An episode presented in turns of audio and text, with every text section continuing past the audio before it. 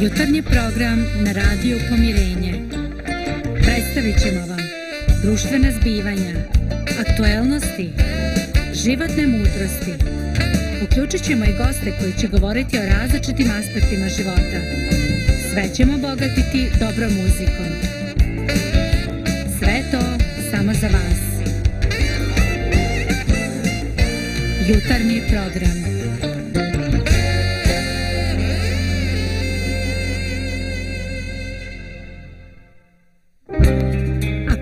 Dozvoljava različitost, ko smo mi da nam smeta? Emisija Ljepota različitosti.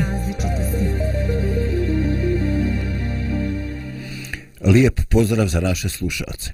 Drago nam je što smo zajedno i što možemo i danas razmišljati o nekim temama koje se i tekako tiču našeg života i našeg osjećaja zadovoljstva koje imamo u tom životu. Eto, danas me, sam radostan, imamo uh, kombinaciju 2 plus 2, o čemu se radi. Pa sa jedne strane stola su Lidija i Nataša, a sa druge Boždar i ja. Nismo suprostavljeni za sada. Eto, dragi gosti, dobrodošli.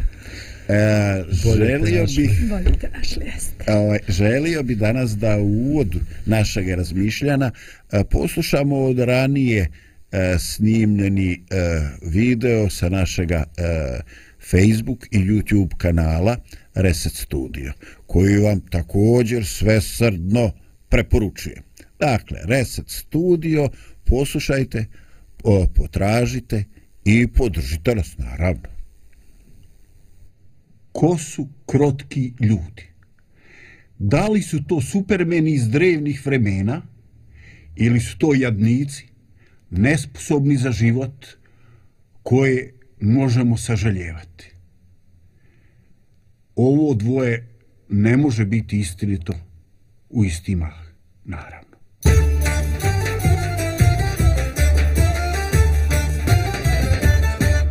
Razgovaraju dvije kolegerice sa posla, a jedna će. Jesi vidjela onu novu? Ma ova, znaš, što se zaposlila preko stranke. Jesi ti vidjela kako se ona ponaša? Kako se ona drži? Kako ona na sve nas gleda sa visine? Ja, u sestro, ovo ako nastavi, ja sam toliko alergična. bojim se da ću šugu dobiti od nje. Od nervoze se češe. A je pita, joj, pa što obraćaš pažnju? Pa kaže, jesi ti vidjela koji ona ego ima? Kako se ona ponaša? Onda ova kaže, ma joj, mlada si, evo ja sam pred penzijom i ja sam se nekako navikla. Ja od prilike smatram da ako moj ego nije veliki, onda mi neće previše smetati ni ego onoga drugog.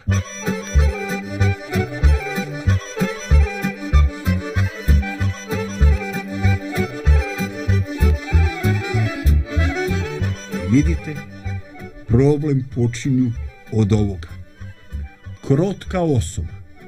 Nije nesposobna osoba. Nije osoba koja je programirana. Nije osoba s kojom drugi tek tako mogu manipulisati. Krotka osoba je osoba koja ne obraća pažnju na tuđe pozicioniranje na tuđi ego. Osoba koja je okrenuta nekome principu nekome načelu po kojemu želi da živi, želeći da voli sve ljude i čak kad su oni e, teški za komunikaciju, ona u takvima gleda nešto što je trenutak, nešto što je tek početni stadijum njihovog razvoja.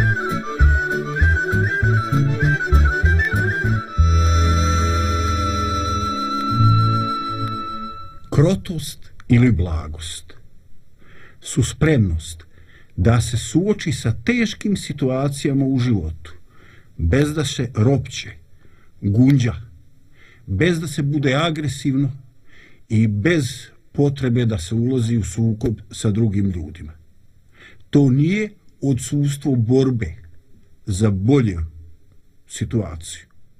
To je jednostavno e, odsustvo negativnih emocija koje i onako ne doprinose rješenju, nego ga čak odlažu i čine težim.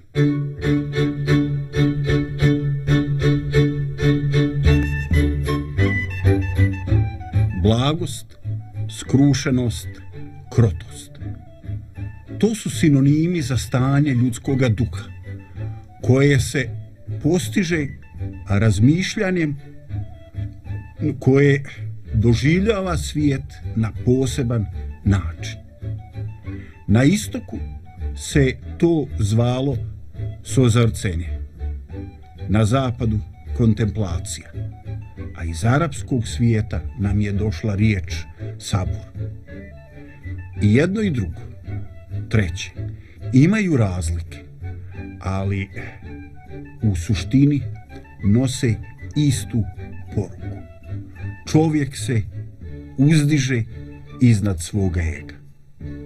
I zato pročitajmo jednu definiciju. To je naročito uporno, jasno i neposredno razmišljanje koje izlazi iz sfere logičnog u oblast nadlogičnog, te dobija karakter jedne mistične očiglednosti, što bi na latinskom jeziku odgovaralo riječi kontemplacija.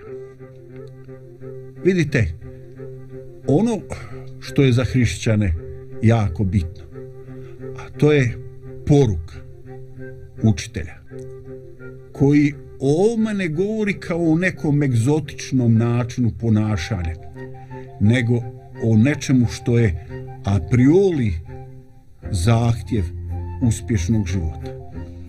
I on kaže, uzmite jaran moj na sebe i naučite se od mene, jer sam ja krotak i smireni srcem i naći ćete pokoj dušama svojim.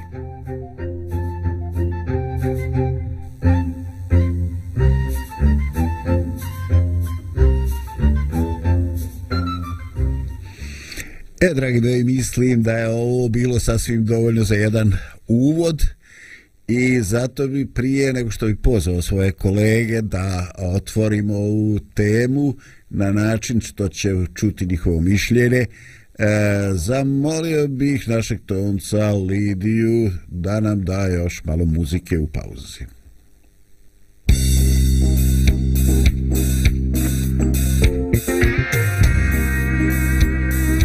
Radio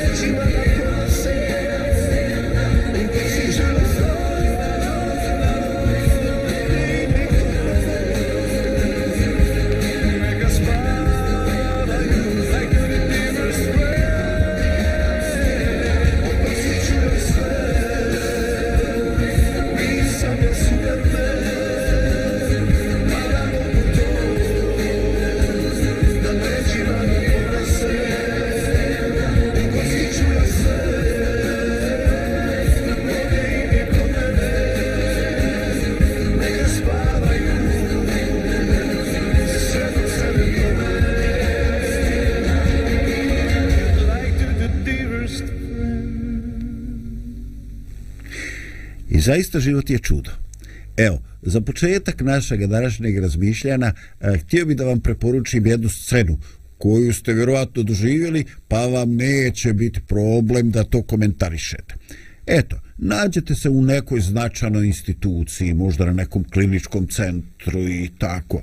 I dok čekate ili ste ušli u neku ordinaciju, prilazi vam tako jedan čovjek jednostavno pozdravi e, i dok vi kao čekate pregled ili doktora, pita vas za simptome, probleme, popriča s vama, ovaj, i vi tako onako baš vidite prijatan, jednostavan čovjek i, i vama opustili ste se. I onda kad dođe zaduženi ljekar ovaj, vi ne možete izdržati da ne spomenete. Evo, popričali ste s čovjekom a ko je taj, a baš je prijatan čovjek. Onda vas se ljekar pogleda, nasmiješi se pa kaže to je načelnik klinike. I onda svi šlogirate. Pa kako, šta? Pa on je tako pričao, kao obični čovjek, kao neko ko, eto, radi u nekoj lokalnoj seoskoj prodavnici, toliko pristupačan, a onda on samo kaže, pa takav je on. A sa druge strane doživite scenu na nekom šalteru. Kako se zove osoba koja radi za šalterom? Ako je iskustvo negativno, onda zovemo kako šalteruša. Eto, doživite neku šalterušu, koja pa fali vam ovaj papir, pa fali vam onaj papir, onda vi dođete da izvodim sad 100 baraka, bil bilo dovoljno papira, jednostavno osoba koja faktički nije posebno značajna u nekoj društvenoj hijerarhiji, ali koristi svaku priliku da nas pusti i da pokaže tu dominaciju. Pa bilo da je u pitanju pauza, za njoj za kafu, za topli obrok, bilo da je šta. Jednostavno, nigde se čovjek ne osjeća tako jadno, nego pred šalterom. Htio bi da vas pitam, koja su e, vaše iskustva, dakle ne morate opisivati, ali kako doživljavate situaciju da ljudi koji stvarno su daleko iznad prosjeka po svome znanju, po nekoj važnosti, u hjerarhiji, e, a koji su tako obični i normalni, jednostavni i e, za komunikaciju. E, kakva, su, kakva su vaše reakcije? Otkud to? Otkud da su ti ljudi tako formirani?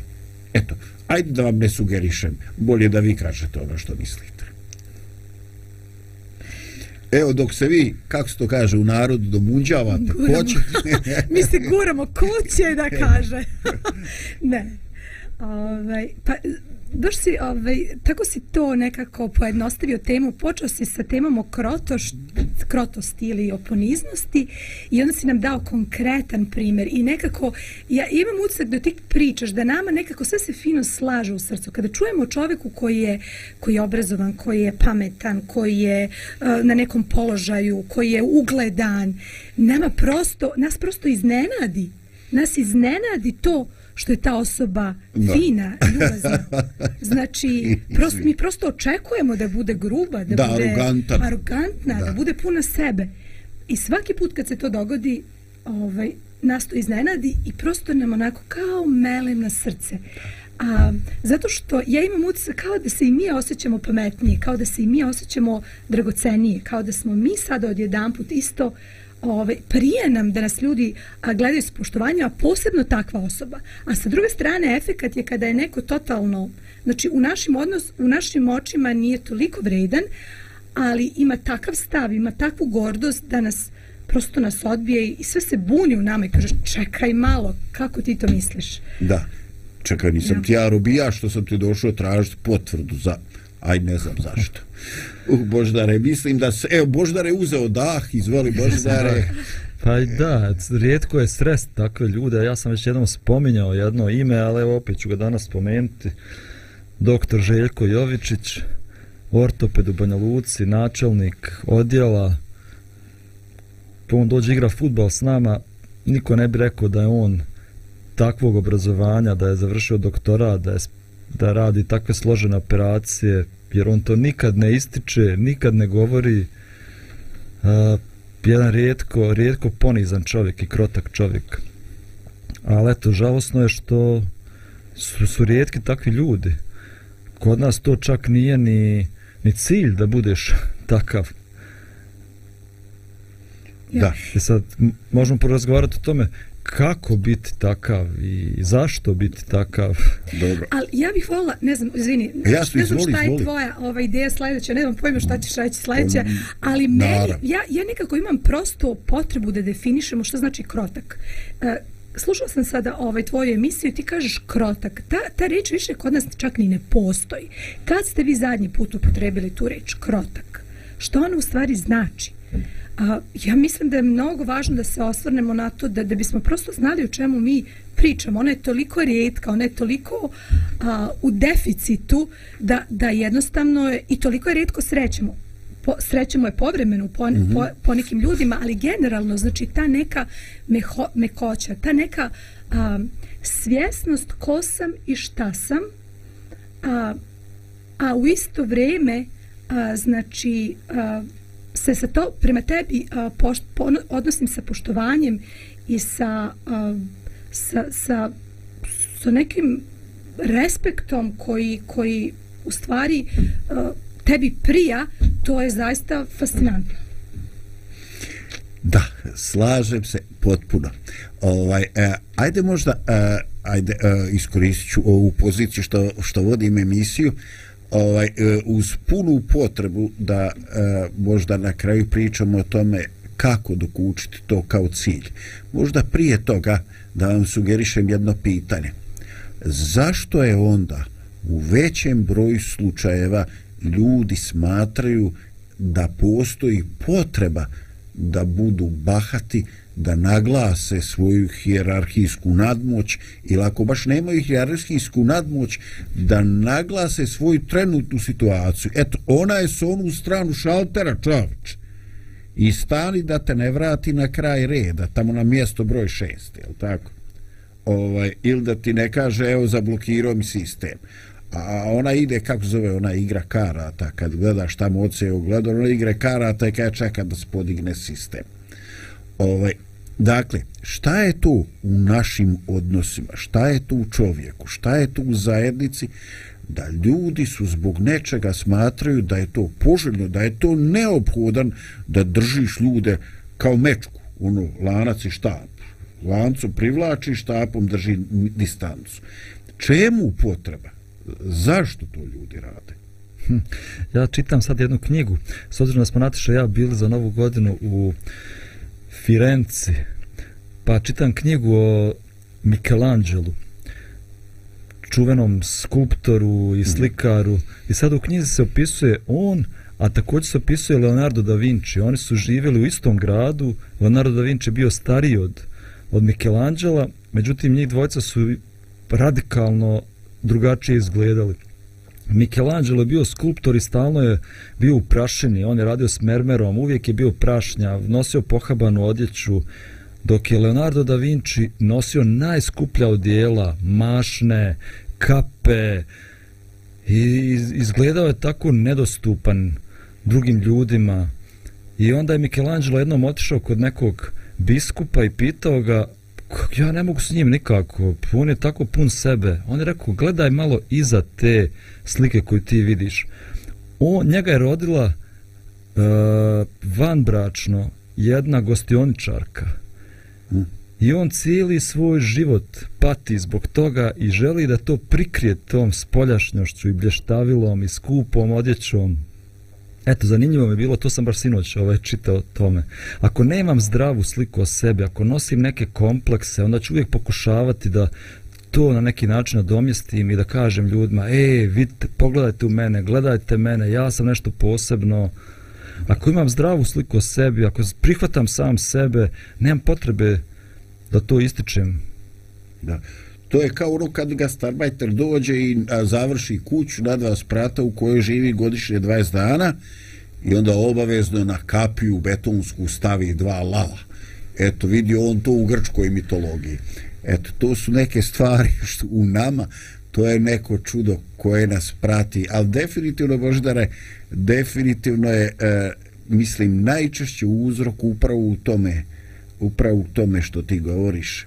Ovaj, još jedan put e, ta svijest koliko su te komplekse i rane koje nastaju u djetinstvu koliko su uporne i koliko dugo ih mi nosimo kao teret koliko je to strašno.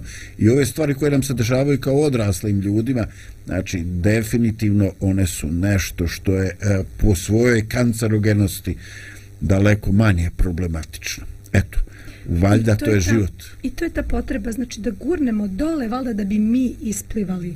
Ka, imamo utisak u stvari kao da ako drugog spustim, onda sam ja ovaj, nešto da. važni. Bravo. Ali pogledaj, uh, zar primjećujete, možda možemo zajedno to primijetiti ovaj, e, taj negativni slučaj koji sam ja sad, ajde namjerno pokrenuo, e, ovaj, tu uvijek imamo, e, ja definišem svoj položaj u odnosu na drugog čovjeka i što ti Nataša kažeš, sad moram malo da te gurnem dole da bi ja, ono, znači to je neka rela, relativna visina, relativno dostignuće. Međutim, kod ljudi koji su, ajde da kažem, mentalno, duševno zdravi, Eh, on, on ne traži svoj, on se ne pozicionira u odnosu na komšiju, nego se pozicionira u odnosu na neki princip, ideal koji on ima u životu. On jednostavno vidi to ljudsko, vidi to lijepo, vidi tu patnju u običnom čovjeku. I upravo rad toga što taj običan čovjek možda ne zna da kuka, ne zna da traži, ne zna da traži neka svoja prava, on upravo prepoznaje tu njegovu potrebu, potrebu i patnju. I to je e, stvarno e, jedna nevjerovatna slika e, te životne realnosti s kojom se mi susrećemo. No eto, društvo, raspričali smo se, pa da zamolimo Lidiju da nam da relaks muzički. Vodi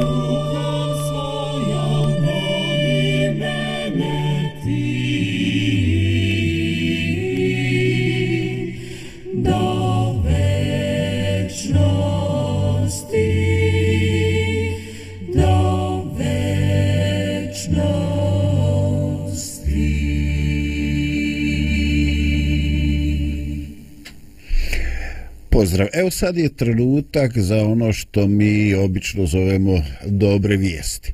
Eto, svi ste primijetili da postoji neka zakonitost kad slušamo vijesti i kad reagujemo na njih. E, portali, novinske agencije, naravno svijesti su odgovornosti za pisanu riječ, e, svijesti su potrebe da ako dođe do nekoga negodovanja da na istom mjestu, istom obimu objave demant. No, kad je riječ o komentarima na razne vijesti, pogotovo na one kontraverzne, onda zaista smo u prilici da pročitamo svašta. I ako hoćete sebi da upropastite dan, onda uzmite neku kontroverznu političku temu, pročitajte članak, a onda idite brzo na komentare. E, tamo ćete naći destrukcije mržnje ludila. Zašto je tako? Pa vjerovatno što ljudi misle zato što imaju pseudonim da su zaštićene anonimnost. I onda tu ima tako o, ružni stvari da se pitaš kakav je dan čovjeka, kakva je njegova patnja kad toliko ujeda, kad toliko ima potrebe za destruktivnošću. I onda nasuprot toga srećemo ljude koji upravo u takvim okolnostima e, uživaju da dijele, raduju se nečemu što je dobro. Evo, e, ja ću sa vama podijeliti jedan komentar koji se tiče prikupljanja pomoći za postradale u zemljotisme u Turskoj i Siriji. Mladić, očito e, Bošnjak, je napisao Zove me jučer prijatelj pravoslavac. Veli on, da ti dam pare da poslije džume priložiš za pomoć za narod Turske i Sirije, da ja tamo ne dolazim i čekam na džumu. I evo, stigla dva papira sa određenom monetarnom vrijednošću, usput slika prikazuje dva, dvije novčanice od po 100 maraka, ali nebetno, nastavljam citat, uh, ali ona uh, pokazana uh, ljud, ali ona pokazana ljudska u ovom teškom vremenu daleko prevazilazi u ovde napisane brojke. Čas mi je što u Semberiji živi i imam za prijatelje ovakve ljude i na kraju pozdrav Džuma Mubarek Olsu. Dragi moji, ja ne znam jer se više e, divim e, tome mladiću koji se vjerojatno se oni znaju, koji je rekao, ajde ja ne čekam tamo da završite ovaj e, namaz tamo ovaj na, na, na džumi na okupljanu pred džamijom, pa da ljudi kažu šta ovaj čeka. Evo ti to odradi za mene, ja tebi vjerujem. I se više e, divim ovome mladiću e, koji e, završava sa vjerskim pozdravom, ali se raduje što ima prijatelja, što ima osobu, osobu drugačijeg konfesionalnog predznaka, ali koji u sebi ima empatiju prema ljudima koji pate.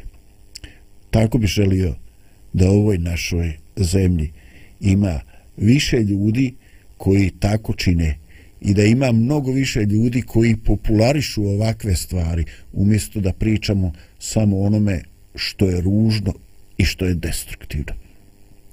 Eto, nadam se E, da vas je na neki način ovo e, dotaklo.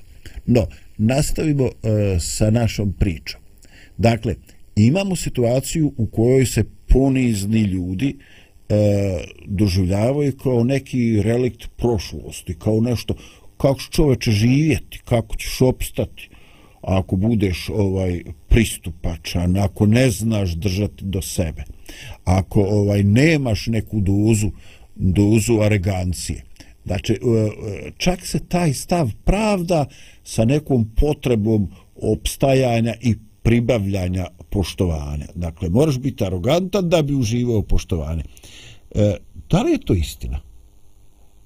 Da li stvarno mislite da u životu arogantne osobe doživaju više poštovanja? Pa meni ne mislim da iko poštuje arogantne osobe. One možda postignu uspjeh neki zato što gaze druge ljude, ali ne mislim da imaju poštovanje. Najveće poštovanje imaju krotki, ponizni ljudi. Evo ja sad se sjećam primjera Gandija, koji je studirao u Engleskoj, završio pravo, onda došao u Indiju i bio borac za prava ljudi, ali svu svoju imovinu mogu da stavi jedan ruksak. Znači sve što je imao stalo u jedan ruksak. I način na koji se on borio je bila, bio nenasilni otpor. Ne nasiljem, nego žrtvom. On imao takvo poštovanje i od strane ljudi u Indiji i od strane uh, vojske i Hindusa i britanske vojske da kad bi oni zaratili i Gandhi dođe u taj njihov region i kaže ja sada postim i gladujem na smrt dok vi ne prekinete rat. Oni ratuju i kažu ne, ne, ne možemo dozvoliti da jedan takav čovjek umre i prekidaju rat i pomire se zato što su poštovali Gandija. Da, to je nevjerovatno. Da. Pa jeste, ovaj, ali potrebno vrijeme da bi se na neki način razvio taj respekt kod ljudi, ali sa druge strane, realno kada pogledate, neko ko se gura, ko se lakta, preće ga, ovaj, preće završiti posao. Mi smo prosto naučili da a, ljudi će pre a, ako ste, ne znam, čekate kod doktora, prećete se probiti ako se žalite, kukate, ako ste bezobrazni, ako idete preko reda. Znači, ljudi koji su ponizni, koji su fini, ljubazni, ov, ljudi prosto kao da im dajete dozvolu da pregaze preko vas. I to se na prvi pogled čini kao paradoks. Sa jedne strane, mi a, nama prijaju takvi ljudi, ali sa druge strane kada smo mi u pitanju to je neki naš, neka naša borba za opstanak. Mi se ne držimo tog principa već mislimo da ćemo bolje proći u životu ako smo ako smo bahati, ako smo bezobrazni zato što prosto zato što to prolazi. I to je neki za mene neki paradoks. A zaista a sa druge strane znači ako je, ako je biblijski princip a, tačan, onda znači mnogim ljudima danas to deluje kao ludost. Znači, ako ja, ja se prosto bojim da ako primenim taj princip krotosti, poniznosti, da neću a, biti u stanju da preživim, da će svako živ da hoda preko mene, znači da će da me, znači samo će da me ove sruše i sklone. Um, ali sa druge strane opet to nije tako. Da. Vidimo da nije tako. Da. Hvala, ti, hvala ti što na jedan iskren način aktuelisuješ naš ovaj nedumicu. Jer e, jako se često dešava, evo ja ću biti iskren, kad se radi o e, programima koji produciraju ili koji ovaj stvaraju religiozni ljudi, e, jako često imamo slučaj da se, da se govori e, u kontekstu nekom, nekog idealiziranja. E, I hoću da vam kažem danas svojim gostima da ja jako cijenim e, i to što ste spremni podijeliti sa našim slušalcima nedumice i što pokušavate i što nastojimo sve zajedno da tu bude nešto što je životno, što je realistično jer zaista zaista e, religiozni ljudi u javnom obraćanju imaju potrebu često nepotrebnu da e, da idealizuju stvari. Ti sam budi kako treba sve će biti u redu. E, neće biti u redu. Ovaj, e, kako u kontekstu ove nedugice koja je Nataša spomenula e, razumijete onu Isovu, budite mudri kao zmije i bezazleni kao golubovi o čoveče, zar to nije krupan zahtjev? Eto da vas čujem. Božo ne uzmaš dah. Ja kad čujem da ti uzmeš dah ja znam da spremano sad nešto ne čujem pa da biti diš krotak ne znači uh, nemati granice u životu. To ne znači da ja dopuštam svakome da me gazi. Krotke osobe i ponizne osobe oni neće gaziti druge ljude ali također će postaviti granice u svom životu. Znači mi to često poistovjećujemo poniznost sa slabošću. Ne, zašto, zašto ponizna osoba je slaba osoba? Ne ponizna osoba je prije svega jaka osoba. Zato što nema potrebu da ističe sebe, nema potrebu da dokazuje svoju vrijednost, ona zna da, da je vrijedna i ta vrijednost ne dolazi kroz moju titulu, obrazovanje, e, ne znam, nije auto koji vozim, nego ta vrijednost dolazi iz, pre svega iz mog karaktera, ono što ja jesam i što znam da sam ja Božje dijete, e, ali, ali, sam u, ali u životu ću također postaviti neke normalne granice. Pa Isus je bio najponiznija osoba koja je hodala ovom zemljom u smislu, znači nikad sebe nije isticao, nikad nije isticao ni svoje kvalitete, nikad nije ni galamio na ljude ili bio bahat, ali je u pravo vrijeme znao svakome da kaže ono što mu je bilo potrebno da čuje. I nekada im se nije svidjelo to što su čuli. E, ta krotost, e, ja, nek, ja nekako više ovaj doživljavam kao, znači ne moram da se zauzimam za sebe u onom smislu ne moram da na, na uštrb tebe mm -hmm. znači znam ko sam znam šta mogu šta ne mogu ali e, to je ajde da se vratimo na šalterušu koju si ti pomenula u mom iskustvu kada osoba sa druge strane šaltora bude neljubazna i onako galami ili jednostavno nervozna i samo me onako mi to kažemo otpili, otkači me ja ovaj nekad pa sam to ovaj isprobavala ja onda ovaj i dalje ostanem na tom šalteru i ljubazno ovaj postavljam pitanja postavljam pitanje i budem uporna u tom postavljanju pitanja dok god osoba se ne smekša i ovaj i uradim ono što što sam došla. A, da sam bila gruba da sam odgovorila istom merom ovaj totalno bi dobila drugačiju reakciju. Jer kao što rekoh krotost, poniznost i u, e, ne isključuje upornost u onome što je dobro. To samo ovaj pronalazi, pronalazi drugačiji način do čovjekovog srca. Jer poniznost sa druge strane svima prija. To je sigurno tako. Et, ali biću, biću pošten, evo dok vas slušam i dok e, pokušavam to staviti u kontekst svog životnog iskustva i vještina koja posjedujem ili koja vidim da bi fale u životu, ovaj, e, negde, negde u pozadini, u perifernom vidu moga mozga, ovaj, e, dalje se vraćam na, na, na Gandija. E, davno sam gledao taj film, ovaj, ali jedna stvar je ostala dramatično u mom sjećanju.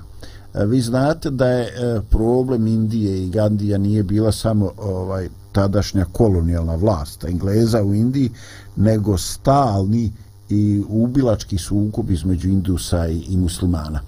I tu je bilo stvari koje su se otimale kontroli. U jednom trenutku filma dolazi predstavnik jedne od te dvije zajednice ovaj, i kaže da je doživio nepojmljivu tragediju. Jednostavno, u tim nekim razračunavanjima među religijskim ubinom mu je dijete. I on se izbezumio ovaj i otišao je u dio grada upao u jednu kuću i učinio isto drugom strani. I posle toga on više nije bio normalan. I on e, dolazi Gandiju i kaže e, pomozi mi e, ili mi savjetuju da se ubijem ili mi daj neki način da se riješim ove patnje. Ne mogu živjeti sa tim što sam uradio. I onda e, taj stil je toli, taj film je toliko dobro ograđen sa, sa stanovišta produkcije i glumaca, e, ta unezvjereni lik, dakle on njega gleda kao što govorite čovjeka ne, ne, neupitnog autoriteta i očekuje šta god ovaj da kaže on će to znači red, realno on će to da uradi bez pitanja i onda dolazi nešto za mene tada još uvijek mladog čovjeka nešto što me šokiralo. On njemu kaže ovako u redu ti moraš naći načina da kompenzuješ svoje zlo. Kako? Nađi jedno sirotče iz toga naroda prema kome se ugriješio i ovaj usvoji ga i odhrani ga u najvećoj mogućoj ljubavi kao što bih hranio svoje preminulo dijete. I onda kad ja pratim to i razmišljam pa čekaj, ok, je li to dovoljno, onda dolazi završni udarac. Ali ga kaže odgoji u toj njihovoj vjeri. I tada ja kao mladić sa ograničenim iskustvom zabaguje bi što bi rekao kompiteraš mozak. Dakle, on je tražio e, načina ne samo kažnjavanja, nego tražio je načina da se ovaj čovjek resetuje. Dakle, ne prema čovjeku kao biću, ne prema djetetu, nego ukloni iz sebe mržnju, odbojnost prema drugoj religioznoj skupini. U toj mjeri da tome djetu daš ne samo udobnost za fizičko odrastanje, nego mu daj e, vjersko obrazovanje nego i bivših roditelja. I tad sam shvatio, Boža, koliko nam treba, koliko smo daleko, i koliko je to moćna situacija kad Bog podigne nekoga proroka, poslanika, kad Bog podigne nekoga čovjeka koji je takvog kalibra da ostavi takav trag u trenutku istorije. No, ovaj, e, vi ste se već navikli da se e, ove emisijama i veoma lako raspričamo i sebe vidim tu kao osobu koja tome značajno doprinosi. Lidija spašavaj stvar, puštaj muziku. Ne zna se zdravko zaustaviti.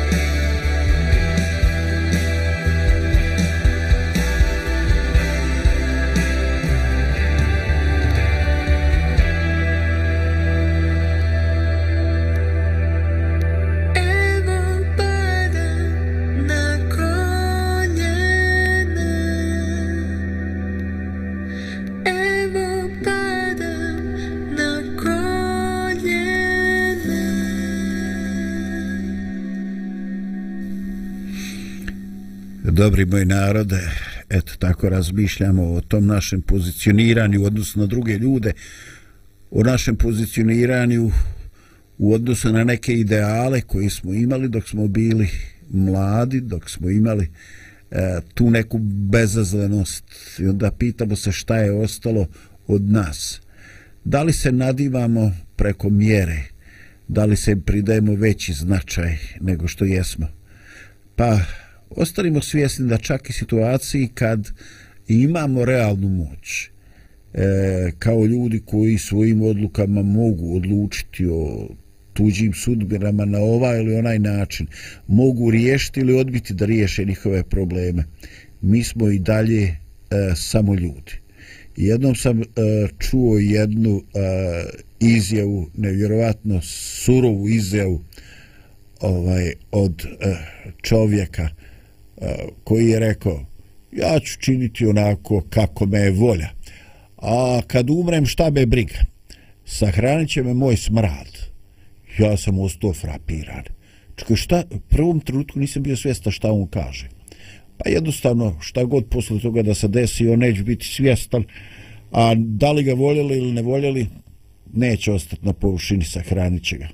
No ja vjerujem da mi svi negde u dubini srca želimo da ne bude naš zadnji argument naš sram radi koga bi nas neko ispratio nego da jednostavno kad nas jednog dana ne budemo ostanemo u mislima kao sjećane na dobre vibracije ljudi koji su imali plemenitost u sebi ljudi koji su nekoga zadužili ljudi koji su u nečijem srcu stvorili inspiraciju ka dobru. I napokon zašto da prećutimo kao vjernici bilo koje denominacije mi pričamo o kraljevstvu Božjem to kraljevstvo Božje mora zaživjeti u srcima nas danas da bi sutradan ono postalo na sudnji dan i naša realnost. I eto, tako dok pričamo o poniznosti, ne kao nečemu što je može, a ne mora, nego što je kao a priori uz ovaj ultimatum nešto što je očekivano u našem duhovnom sazrijevanju. Mi zaista možda osjećamo i nesigurnost i želimo da ovaj e, napredujemo, da stignemo, da pobjedimo, da sazrijemo. I upravo u tome smislu moramo se čuvati od svake nepravde.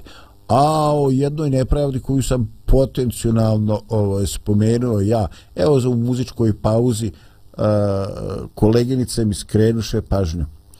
Nataša, uh, osvijetli malo ovaj, drugu stranu. pa ne, mi smo komentarisali o tome, a ovaj, baš je Lidija ovaj, pomenula da je uh, nisu sve šalteruše jako, odnosno žene na šalterima, bolje rečeno, nije taj izraz tako fin, ovaj, nisu neljubazne. Zapravo, mi smo zaključili da su kod nas, recimo u Banja Luci, a žene prilično ljubazne na šalterima, a nekim drugim gradovima smo primetili, ali nećemo samo ih pominjati. Reći, nećemo da ih nama rekli. Da. da, ne, ne, nećemo ih pominjati. E, ali iznenađujuće radi se o gradu koji je prilično onako multietničan i grad koji je onako odraz neke ono civilizacijski dostignuća mm. na području bivše Jugoslavije i opet je to ovaj ovaj ova Banja Luka gdje smo svi eto ovaj pozitivno ovaj kotirana. Ništa Nataša, ovaj očito je očito je da sve što čovjek radi ili izjavi da može i treba imati svoju korekciju. Dakle, drage gospođe koje radite za šalterom, presretni smo kad svaki put pored svega onoga što preživite smognete snage da ljubazno pogledate svoje goste. A za ove rijetke koje ja naziva šeltaruše, oprostite, to se definitivno ne odnosi na sve nas.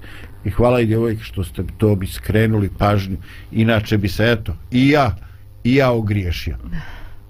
No, e, na, u, u obe posljednjem e, dijelu e, spomenuli smo e, ovo kao jedno duhovno sazrijevanje kao nešto što nije ovako stvar e, ličnih afiniteta.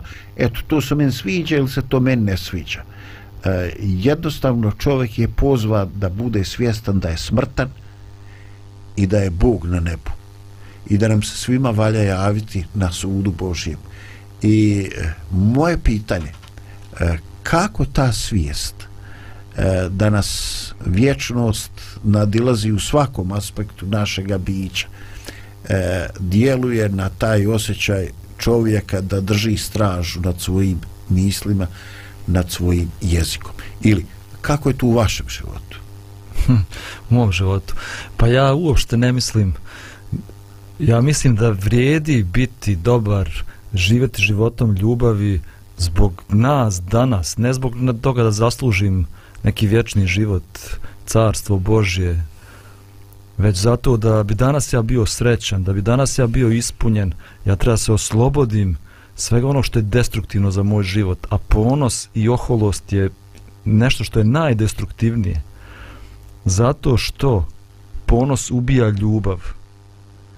Vi možete da vidite dva pijanca da sjede i piju i zagrle se. A ne možete nikada vidite dva ponosna ili ohola čovjeka da se zagrle. I zato je ponos najstrašniji od svih grijeha. A, da spomene još si govorio za onog čovjeka koji je rekao smrad moj će me sahraniti. Ne radi se samo o mom životu. Kako ću ja završiti? Radi se o uticaju. Svačiji život ima uticaj na dobro ili zlo. Ti vršiš uticaj na svoju djecu, vršiš uticaj na svoju porodicu, na svoje komšije, na sve ljude s kojima se susrećeš. Uh, ako u tebi postoji zlo, ti ćeš da širiš vibracije što ti kažeš, mhm. širit ćeš takve vibracije oko sebe. Svijet će postati gore mjesto zato što ti si takav. S druge strane, ako si ti ponizan, ako si krotak, ako imaš ljubav u svome srcu, ti širiš takve vibracije i vršiš uticaj na svijet i činiš svijet ili boljim ili gorim mjestom za život. Veliš, ako hoćeš da provjeriš svijet, počni od, od sebe, a? daj neki doprinos. Da jeste, neminovno. Iako smo nekako ozbiljni kada je taj, taj neki naš duhovni rast u pitanju, um, definitivno ovo je jedna od stvari koje, koje treba poželeti. Uh, I ona je po meni i dar na neki način, ali to je i izbor. Nekako, prosto si me danas osvijestio i mene samu. A, nije ovo samo, ne znam, greh drugih ljudi. To je i moja neka muka, to je i moj problem, to je i nešto što e, nekako prosto se me danas zdravko inspirisao da kažem sebi hm, koliko puta sam zbog nečega ovaj, pristupila ljudima na pogrešan način zbog čega god, ali sad si me baš inspirisao, hvala ti. Da. Hoću da budem ovaj bolje u tome. Bravo. Eto, dragi gledalci, ono što ovaj želimo na kraju reći e, jeste e, vjerujem sad posve jasno i prepoznatljivo. E, mi vam u svemu ovome ne pričamo kao nečemu što biste vi trebali dokučiti. Mi pričamo o problemima koji se u potpuno na isti način tiču i nas i studija koje smo odabrali ovu temu kao nešto zajedničko, kao zajedničku patnju, kao zajedničku frustraciju kao nešto što nam e, smeta da budemo opušteni u svojim kućama, u svojim porodicama, e, kao nešto što smeta da jednostavno stvaramo jednu dobru atmosferu u, kom, u svom komšiluku na radnom mjestu. Da, mi imamo te probleme koje ste vi prepoznali, imamo i mi. I mi se mučimo sa njima. Jednostavno, i ako je neko u određenoj prednosti, a to je osoba koja je na neki način e, doživjela taj dodir božanskog i vidjela da se neke stvari u njoj mijenjaju. Ako smo vas i na trenutak inspirisali da poželite da to bude dio i vašeg iskustva, mi smo presretni i ovaj program ima smisla. I zato, zahvaljujući se zaista na danas konstruktivni doprinos e, Nataše i Božidara, kraju bih vam pročitao jedan stih iz prve poslanice svetog apostola Petra, koji kaže A najposle budite svi složni, žalostivi, bratoljubivi, milostivi, ponizni. Ne vraćajte zlo za zlo, ni psovke za psovku, nego nasuprot blagosiljajte znajući da ste na to pozvani da nasledite blagoslov. Jer koji je rad da živi i da vidi dobre dane, neka zadrži jezik svoj od zla i usne svoje da ne govore prevare. Neka se ukloni od zla i neka, ne učini, i neka učini dobro. Neka traži mir i neka sadrži njega. Jer oči gospodnje gledaju na pravednike i i uši njegove na molitvu njihovu, a lice gospodnje na one koji zločine da ih istrijebi sa zemlje. Pozdravljam vas i želim vam blagosloveno iskustvo na ume putu. Thank you.